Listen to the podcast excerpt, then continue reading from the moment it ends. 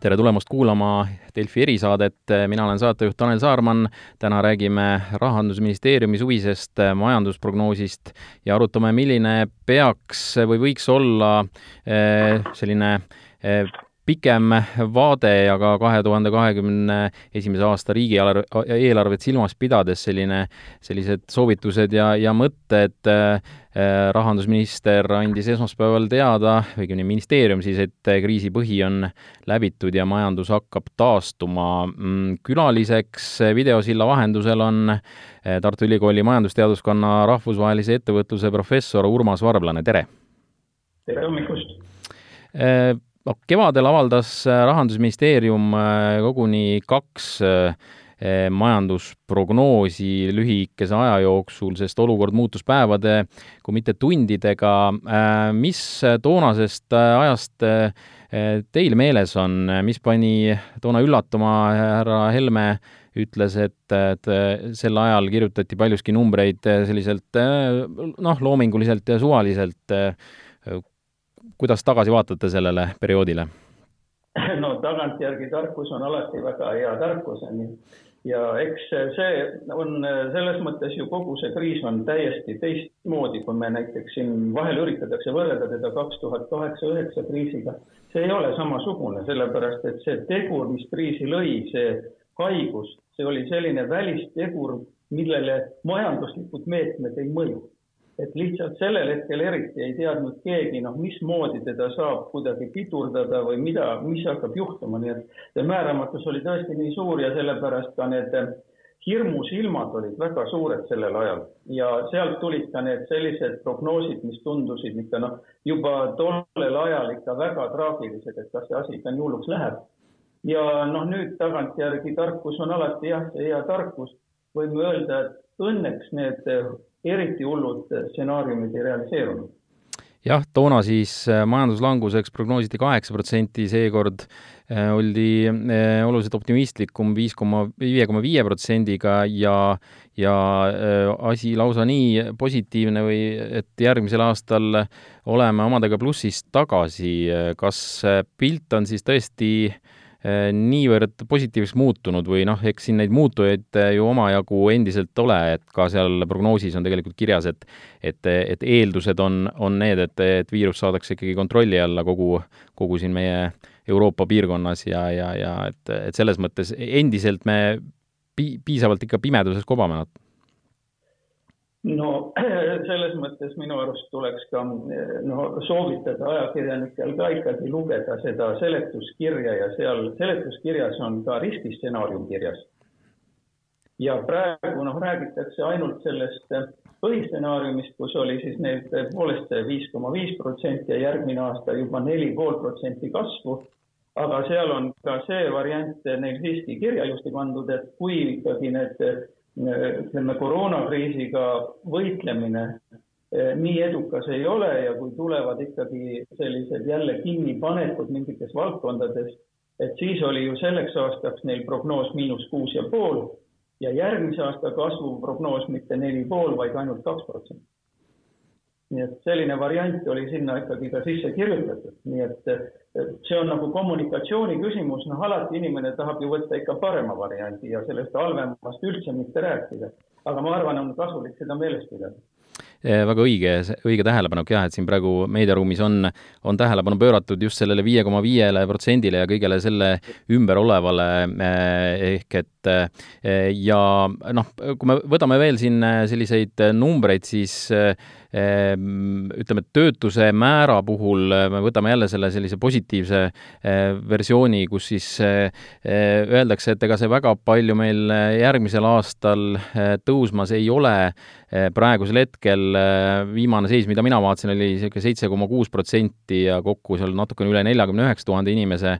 Ja, ja põhimõtteliselt noh, selge on ka see, et see kevadine arusaam, et üheksakümmend tuhat võib tulla, noh, võimalik, et sellesama palgameetmega just nimelt seda numbrit ka all hoiti, et, et tõesti oli, oli ju hinnang selline või, või kartus, et et see septembrikuuks tõuseb päris, päris kõrgele tasemele, aga nii ei läinud. loodetakse, et see jääb suhteliselt sinna praegu, kus ta praegu on nojah, aga siin on ju praegu, ma ütleks, et terve rida küsimusi on täiesti lahtised. Peaaegu igas arutelus ja intervjuus ju küsitakse küsimusi, et mida ikka teha selle majutuse ja ja toitlustuse ja kogu selle turismisektori ja seda teenindava osaga, ja siin ju ei ole mingisugune uudis, et väga palju on juba signaale selle kohta, kuidas suured tegijad on planeerimas juba seal tööjõu eh, vabastamist ja, ja selles mõttes noh, ma nii optimistlik ei oleks, et see number enam üldsegi ei kasva, sellepärast et need kõik need palgameetmed olid ju seotud ka kohustusega hoida inimesi pärast veel paar kuud tööl ja need kohustused on nüüd läbi ja mõnes mõttes ettevõtted hakkavad nüüd käituma niimoodi, nagu nad tahavad käituda.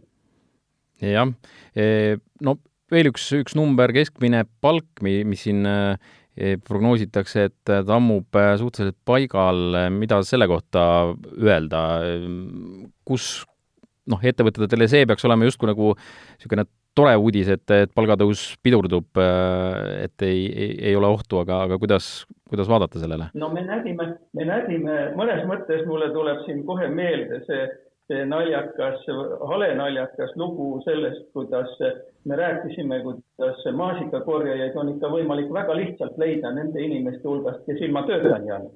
jah ja siis selgus, et see ebaõnnestus täielikult, et sellest ei tulnud midagi välja. ja me jõuame sellise noh, mõiste juurde, struktuurse tööpuuduse juurde, kus, kus meil on valdkondi, kus on vaja teatud inimesi, aga need inimesed, kes meil vabaks jäävad töölt, tegelikult kas ei saa sinna minna sellepärast, et nad seal kohas ei ela või sellepärast, et nad seda tööd ei suuda teha või neil puuduvad teadmised. ehk põhimõtteliselt ei ole see Äh, nii lihtne, et kui ühes kohas jääb sul tööjõudu üle, siis see automaatselt on rakendatav teises valdkonnas. ja see, ma arvan, ongi see põhjus, miks see palgasurve üldse nii ära ei kao. tähendab, et äh, ta praegu vähemalt noh, see, see seis, mis meil siin oli, kus tegelikult kümme aastat jutti kasvasid äh, palgad keskeltläbi seal kuskil seitse protsenti aastas, kuus-seitse. Ehk meil kahekordistus tegelikult palk kaks tuhat kümme kuni kaks tuhat ütleme üheksateist. see olukord õnneks praegu jääb seisma, ma ütlen õnneks sellepärast, et need ettevõtted ju peavad ka ellu jääma pärast seda kriisi. Ja kui nüüd veel palgad ka kasvaksid, siis nad lihtsalt peavad oma asjad kokku pakkuma. Jah, me tuleme selle teema juurde veidi hiljem ka tagasi, aga, aga siia vahele eh, veidi pikem arutelu nüüd eh, sellest, millest jällegi meedias on, on vast kõige enam tegelikult räägitud ja, ja üldse viimasel ajal eh, on see olnud, olnud üks põhiteemasid, kui kui me räägime valitsuse sellisest rahanduspoliitikast, ehk siis võlakoormuse kasv, meil on äh, Äh, me oleme tuntud ja teatud äh, sellised äh, väga madala, Euroopa Liidu kõige madalama, konkurentsitult kõige madalama võlakoormusega riik olnud pikka aega ja nüüd on siis, on, on see muutumas ja, ja noh, loomulikult mitte keegi ei, ei ei vaidlusta seda, et, et sellises olukorras äh, tulebki äh, laenu võtta ja eriti, kui seda, seda igalt poolt nii-öelda soodsalt antakse, aga kas nüüd äh, selline, ütleme, suur kasv ikkagi, kus meil kolmandik SKP-st mingil hetkel ligi kolmandik võiks olla, olla siis laenukoormus äh,, kuidas see tundub teile? No see, see on üldse, see on, see on väga pikk eh, teema jah, ja seda võiks kuskilt otsast hakata natukene arutama. ja, ja noh, mina hakkaksin hoopis nagu kaugemalt pihta, et mida me tahame, miks üldse üks majandusprotsess käib, me tahame tegelikult Eestis praegu seda, et toimuks tulutaseme konvergents. ehk lihtsalt ära öeldes, me tahame saada rikkamaks, elada paremini ja viimased kümme aastat me oleme seda teinud, meie palgatase on kasvanud, hinnad ei ole nii palju kasvanud kui palgatase ja inimesed elavadki paremini. ja nüüd selle kriisi ajal paistab, et valitsusel on plaan seda tulutaseme tõusu, seda konvergentsi veel üritada noh, ülikiirelt nagu teha pärast kriisi. See tundub imelik jutt praegu, et me räägime töötutest, me räägime kriisist ja siis ma räägin mingisugusest eh, inimeste tulutaseme kasvust. aga tegelikult, kui me ka seda prognoosinumbreid vaatame ja kui me mõtleme selle peale, mida teha tahetakse, siis mõte on ju selline, et nüüd kasutada seda kriisiaega ära, kus Euroopa eh, Komisjon võttis maha piirangud ka nende eh, valitsuse laenamise pealt kasutada seda ära selleks, et teha hästi suur selline ütleme, süst majandusse, kus panna, pumbata sinna tohutu palju raha lühikese aja jooksul juurde. ja, ja teha seda nii, et võtta selleks laenu, mitte noh, teha maksuraha pealt, mis oleks aeglane, vaid teha hästi kähku. ja nüüd selle asja juures on väga tõsised ohud. just selles valguses, et selleks, et majandus kasvab ju, noh, siin on kuulajad kõik asjatundjad, et ma väga lihtsalt seletan küll. meil on vaja ühelt poolt investeeringuid ehk kapitali, teiselt poolt tööjõudu ja siis meil on vaja ka oskust neid ühendada ehk sisuliselt tootlikkust, tehnoloogiaid, tootlikkust, arendustegevust, kõike seda. ja nüüd, mis siis hakkab juhtuma praegu selle arusaama järgi, kuidas ma nüüd loen seda, et kuskil aastal kakskümmend kaks, kakskümmend kolm me saame väga kõvasti kõigepealt raha Euroopa sellest uuest rahastusest, mis kriisi puhul nüüd tehti. me saame tõukefondi raha, mis kokku on kuskil, ma pakuks seal umbes suurusjärk vähemalt poolteist miljardit aastas. ja see ei ole laenuraha. sellele rahale, me selle pooleteisele miljardile meil on ainult seal osale vaja omafinantseering juurde panna, mida tuleb eelarvest panna. nüüd see raha läheb majandusse, see hakkab äh, seal tegutsema sellele lisaks tahab nüüd valitsus investeerida veel kõvasti. nüüd, ühesõnaga meil nagu raha nüüd on tohutult seal sees. raha üksi ei kasvata majandust. sinna juurde on vaja tööjõudu. tööjõuga on meil kitsas juba ammu. ma tegin siin just alles pikemat sorti intervjuu sarja siin kaheksa, peaaegu kaheksakümne ettevõtte juhiga ja põhitegur, põhiküsimus on tööjõupuudus. kvalifitseeritud neile sobiva tööjõupuudus nüüd, kust tuleb aastal kaks tuhat kakskümmend kaks, kakskümmend kolm, kakskümmend neli tööjõud? seda tööjõudu me ei näe, eriti kui see valitsus eh, noh, jätkab seda suhtumist, et tegelikult välismaalt sisse tulev tööjõud ei ole teretulnud. ühesõnaga, meil on raha, meil on tööjõudu vähe. ja mis siis hakkab juhtuma? tegelikult hakatakse tööjõudu vastastikku üles ostma ehk toimub tegelikult palgaralli. ja selles jäävad kaotajaks tegelikult need ettevõtted, kes on sellised klassikalised tootmisettevõtted, kellel ei ole võimalik äkki nagu sealt välja minna ja midagi muud tegema hakata, sest seal on püsikulud nii suured, sa ei saa Kunda Nordic tsementi lihtsalt ära müüa ette. keegi ei ostagi seda sulle ära, sa pead seal edasi tegutsema see näide ei ole võib-olla kõige parem tööjõu juures, tuleks rääkida hoopis tööjõumahukatest valdkondadest ja. ja nüüd tekib küsimus, aga mis siis teha, on ju, ja selles olukorras peaks nagu mõtlema hästi läbi, milline on majanduse võimekus seda kapitali ja investeeringuid ära kasutada. nüüd ma tegin väga pika jutu, aga ma arvan, et see on oluline teema, mida praegu liiga vähe arutatakse.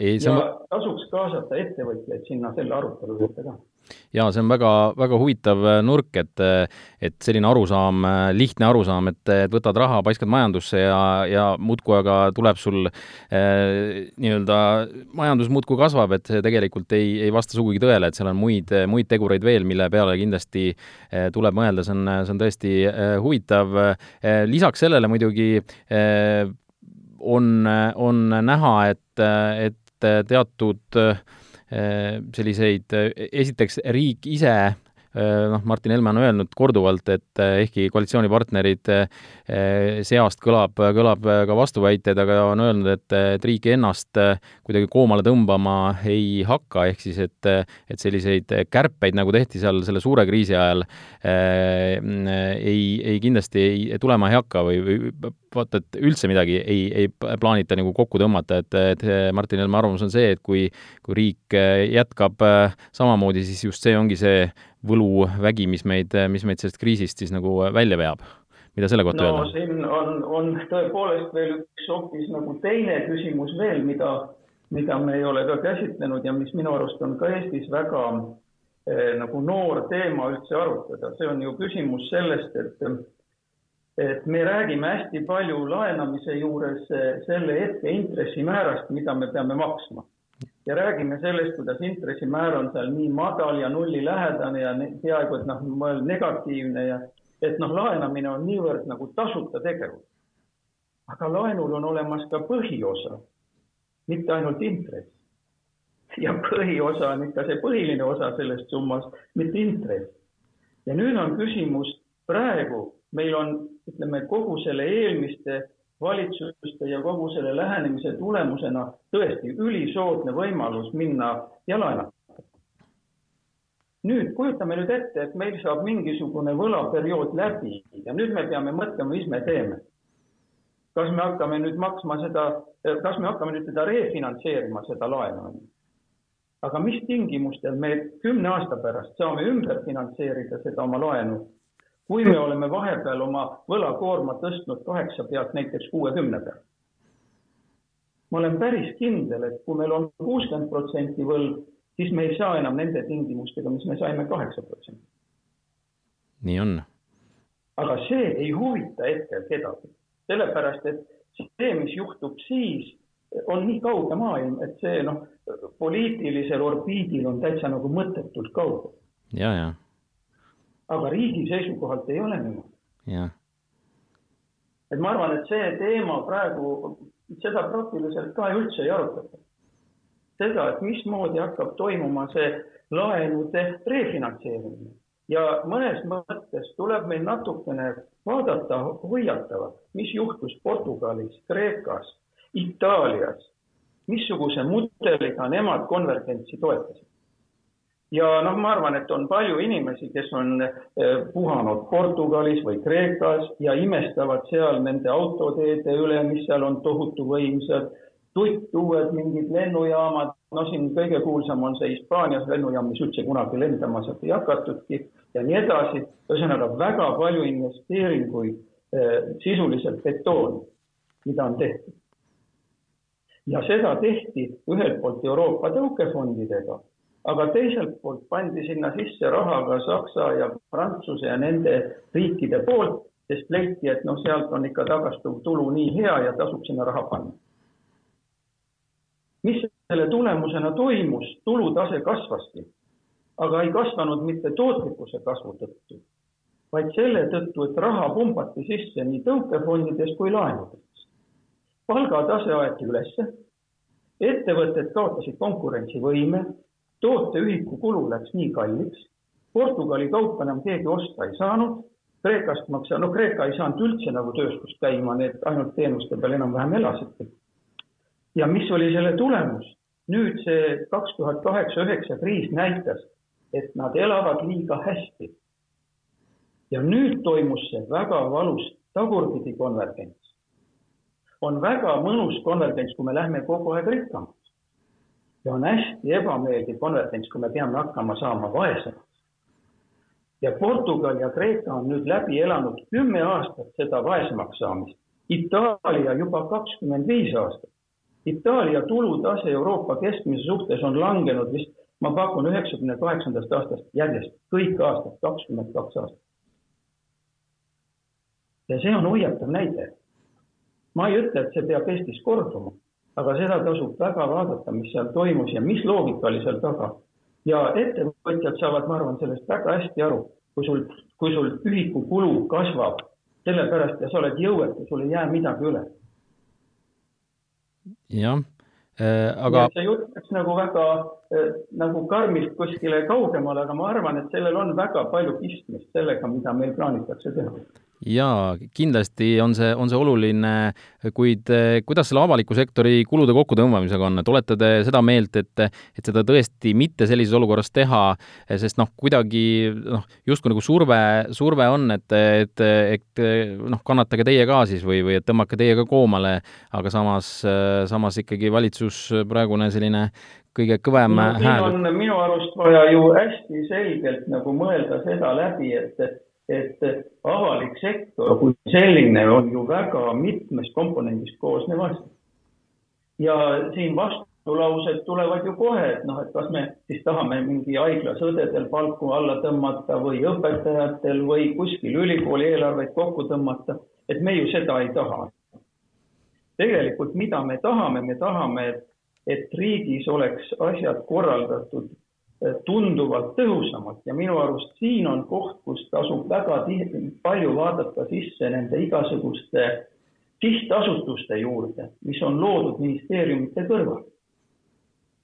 ja selle riigireformi eh, nagu taustal, mida siin eh, Jüri Raidla eestvõtmisel on uuritud numbreid selle kohta, selgub, kui palju on tehtud sedalaadi sihtasutusi mille tegevus on praktiliselt ütleme väga-väga vähe sedasi jälgitav avalikkuse poolt. ja siin räägiti väga palju ja mina tahaks selle kohta teada, et mis on juhtunud. räägiti sellest, kas see sõna oli riigirevisjoni vajalikkusest, et me teeme riigirevisjoni. praegu sellest enam üldse ei räägi. ei ole kuulda tõesti. midagi muud kui lihtsalt mingisugune üldine avaliku sektori palkade kärpimine ja, ja siin on ju, on ju veel see dimensioon, mida ka on vähe praegu räägitud, aga mis tuleb sisse. kujutame nüüd ette, et, et nüüd äh, avalikus sektoris põhimõtteliselt noh, mitte midagi ei muutu. Nendes kohtades just, mida ma siin rääkisin, mis on, mis on äh, selge siis, et, et avaliku sektori konkurentsivõime tööturul inimesi tõmmata võrreldes erasektoriga kasvab vahest võib öelda, et noh, ongi hea, tulevadki targad inimesed riiki juhtima, riigil läheb paremini. jälle õige, küsimus on nüüd alati nendes detailides ja mahtudes, kui palju, kui palju me suudame seda üleval hoida. ja no siin mingisugust üldist numbrit, et vot nii mitu tuhat töökohta on ülearu avalikus sektoris, ma ei julge siin peast midagi ütelda.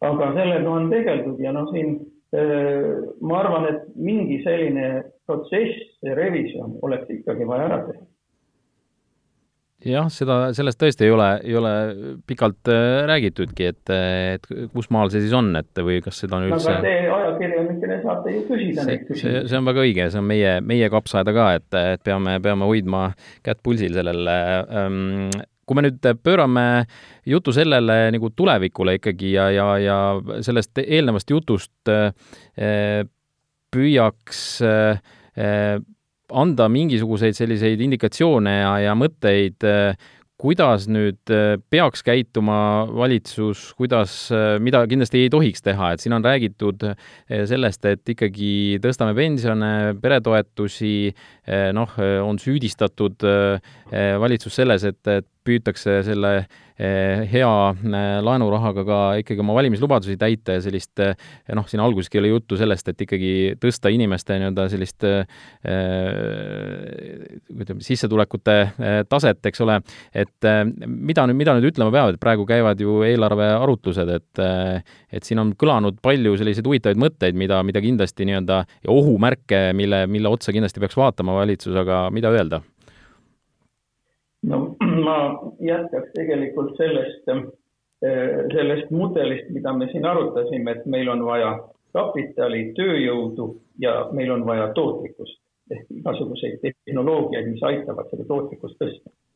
ja nüüd, kui meil on probleem, et meil tööjõudu on vähe, siis on ilmselge juba, mis suund on see, kuhu on vaja tegelikult tohutu palju tähelepanu ja raha panna see on kõik see, mis aitab ettevõtetel tööjõudu asendada kapitaliga. ehk põhimõtteliselt see on seesama, kogu see digiteerimise, digitaliseerimise, siin on noh, väga erinevad veel mõisted, automatiseerimine, kõik need protsessid ettevõtete juhtimise juures, nende juures on vaja abi, eriti noh, väiksele keskmisele ettevõtlusele. Nendel on seda abi väga palju vaja. selles intervjuude seeriast, kus ma külastasin siin äh, välisosalusega ettevõtete juhte Eestis, keda siin, neid on kaheksakümmend tükki, siis seal tuli kõigi puhul praktiliselt välja küsimusele, et mida te teete selleks, et seda palgakulude tõusuga hakkama saada, mida te teete, siis esimene asi oli, püüame asendada tööjõudu kapitaliga. ja see on see, kus riik võiks teha väga, väga korralikud meetmed kust on võimalik saada abi nende protsesside kiiremaks läbiviimiseks ettevõttes. ettevõtted teevad seda ise ka, aga seal võiks olla näiteks mingisugune, praegu räägitakse palju erasektori ja avaliku sektori koostööst vaat siin on see koht, kus ettevõte paneb mingi osa raha, riik toetab teise osaga ja teeme need asjad ära. see kiirendaks ettevõtete üleminekut uuele mudelile. See, see oleks väga oluline ja minu arust sellest praegu ei taheta väga palju arutada. nii on äh, mis te arvate turismisektori, noh, see on üks, üks valukoht siin noh, ja, ja üks koht, mida valitsus peab kindlasti lähiajal äh, arutama ja, ja, ja, ja sel, selles suunas äh, mingi lahenduse äh, välja pakkuma, et, et ikkagi kogu see sektor ütleb, et kuni järgmise suveni noh, oleks näiteks palgatoetust vaja jätkata ja, ja, ja veel, veel oleks neil abi vaja, et, et see, et see selline hall aeg siin üle elada, kus, kus ei noh, see talv on olnud Eestis ka selline, et et, et justkui mingi, mingi tõus seal tuleb, aga tegelikult ega, ega ta nüüd eh, turismiettevõtetele ikkagi mingi väga suur abi, abimees ei ole, et ikkagi suvi, suvi on see, mis neid eh, taskuid täidab, et, et mida siin öelda üldse sellest palgatoetuse jätkamisest, kas see on, on selline meede, mida, mida peaks üldse edasi, edasi kuidagi ajama või, või tuleks asendada millegagi? nojah, see on, see on nüüd väga eh, selline tundlik teema, sellepärast et kui öelda, et oh, et see ei ole üldse probleem, et tegelikult Eesti majanduse terviku seisukohalt, et selle eh, selline netopanus majandusse on järjest nagu vähenenud, siis saaksid kõik noh, väga kurjaks. aga ma arvan, et mis siin on vaja teha, et siin on vaja see turismisektor võtta segmentideks lahti ja hakata selle üle niimoodi arutama, mitte niimoodi laus toetusi teha. kõigepealt esimene asi tuleks analüüsida, milline on nende ettevõtete seis olnud enne kriisi. missugused neist on sellised, kes on olnud väga elujõulised ja missugused on need, mis on läbi viimase kümne aasta muutunud järjest nõrgemaks. mis annab signaali, millised ärimudelid on üldse sellised olnud elujõulised ja millised mitte ja kus on valdkonnad, kus meil on võib-olla üle investeeritud. ja noh, mis ma siin nagu võin kohe niimoodi koha peal hakata mõtlema, üks suur valdkond on kogu see kruiisiturism. seda on ju üritatud ka arvutada, et kui palju see üks kruiisiturist siis lõpuks ikkagi raha Eestisse jätab, on ju. kuna ta seal laeva peal magab ja laeva peal kõiki teenuseid pakub, käib korra linnas, läheb tagasi ja on läinud, loomulikult seal on kõik sadamatasud ja asjad, mis tulevad sisse. ma ei ütle niimoodi, aga ma tahan öelda lihtsalt, et me peame nüüd neid kuidagi hakkama tähtsuse ridadesse panema, et mida, mis on, kui tõenäoline, et mis taastub kiiresti ja mis ei taastu kiiresti. ja kus on mingi võimalus siseturismiga rolli mängida või ei ole võimalik rolli mängida. ja seal on noh, ikka selgelt, noh, see kruiisilugu on üks.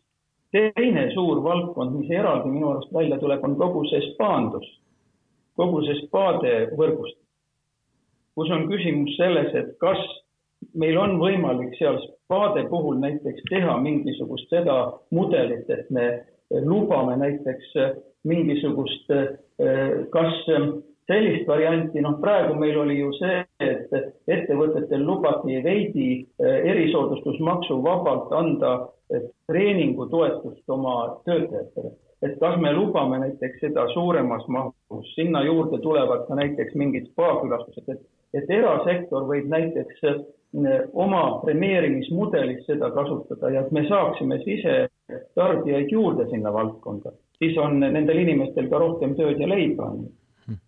et, et noh, ma arvan, et see on palju keerulisem teema, et me peaks mõtlema, kuidas ka nõudlust turgutada, milliste poliitikameetmetega mitte lihtsalt laus hakata raha jagama.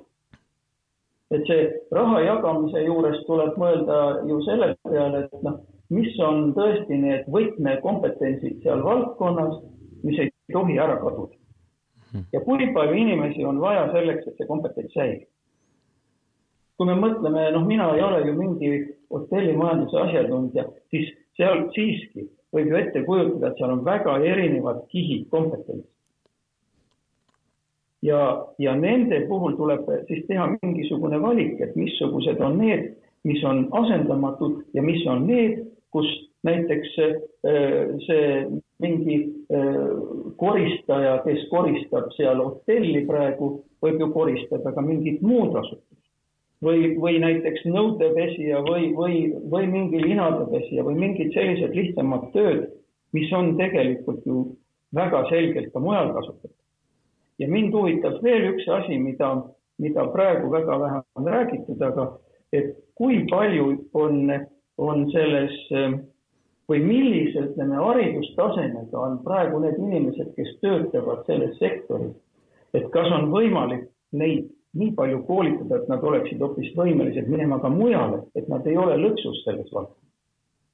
nagu näha, jutt läheb väga pikale, et siin on erinevaid võimalusi. nojah, siin kõlas see kriisi alguse Cleveroni idee, mis neil oli, et, et kuidas, kuidas eh, neid, riik neid võiks aidata, et, eh, et ikkagi noh, et kasu oleks nagu mõlemapoolne, ehk siis et, et et nii-öelda võib-olla oleks, oleks mõistlik teha see selline äh, võrgustik, nii-öelda pakiautomaatide võrgustik üle Eesti, et et noh, just, just sel moel riik saaks äh, mitte nüüd konkreetselt Cleveronile, aga, aga mõelda nii-öelda sellises kontekstis, et mitte mingeid toetusi anda ja palgatoetust, vaid seda, et kuidas mingit tellimust kuskile tekitada või, või jah, ja, ja teine pool siis, kuidas ümber koolitada inimesi, et kas, kas see on võimalik no ei ole midagi öelda, keeruline periood on see valitsuse jaoks olnud ja, ja see veel ka jätkub. Neid otsustuskohti on, on palju ja Urmas Varblane andis siin päris mitu sellist head näpunäidet, mis, mida kindlasti eh, peab kuulama ja, ja arvestama. aitäh, Urmas Varblane, selle põneva vestluse eest, tänan ka kuulajaid. erisaade on kõigi eelduste kohaselt taas eetris homme. püsige terved ja kuulmiseni! kõike head!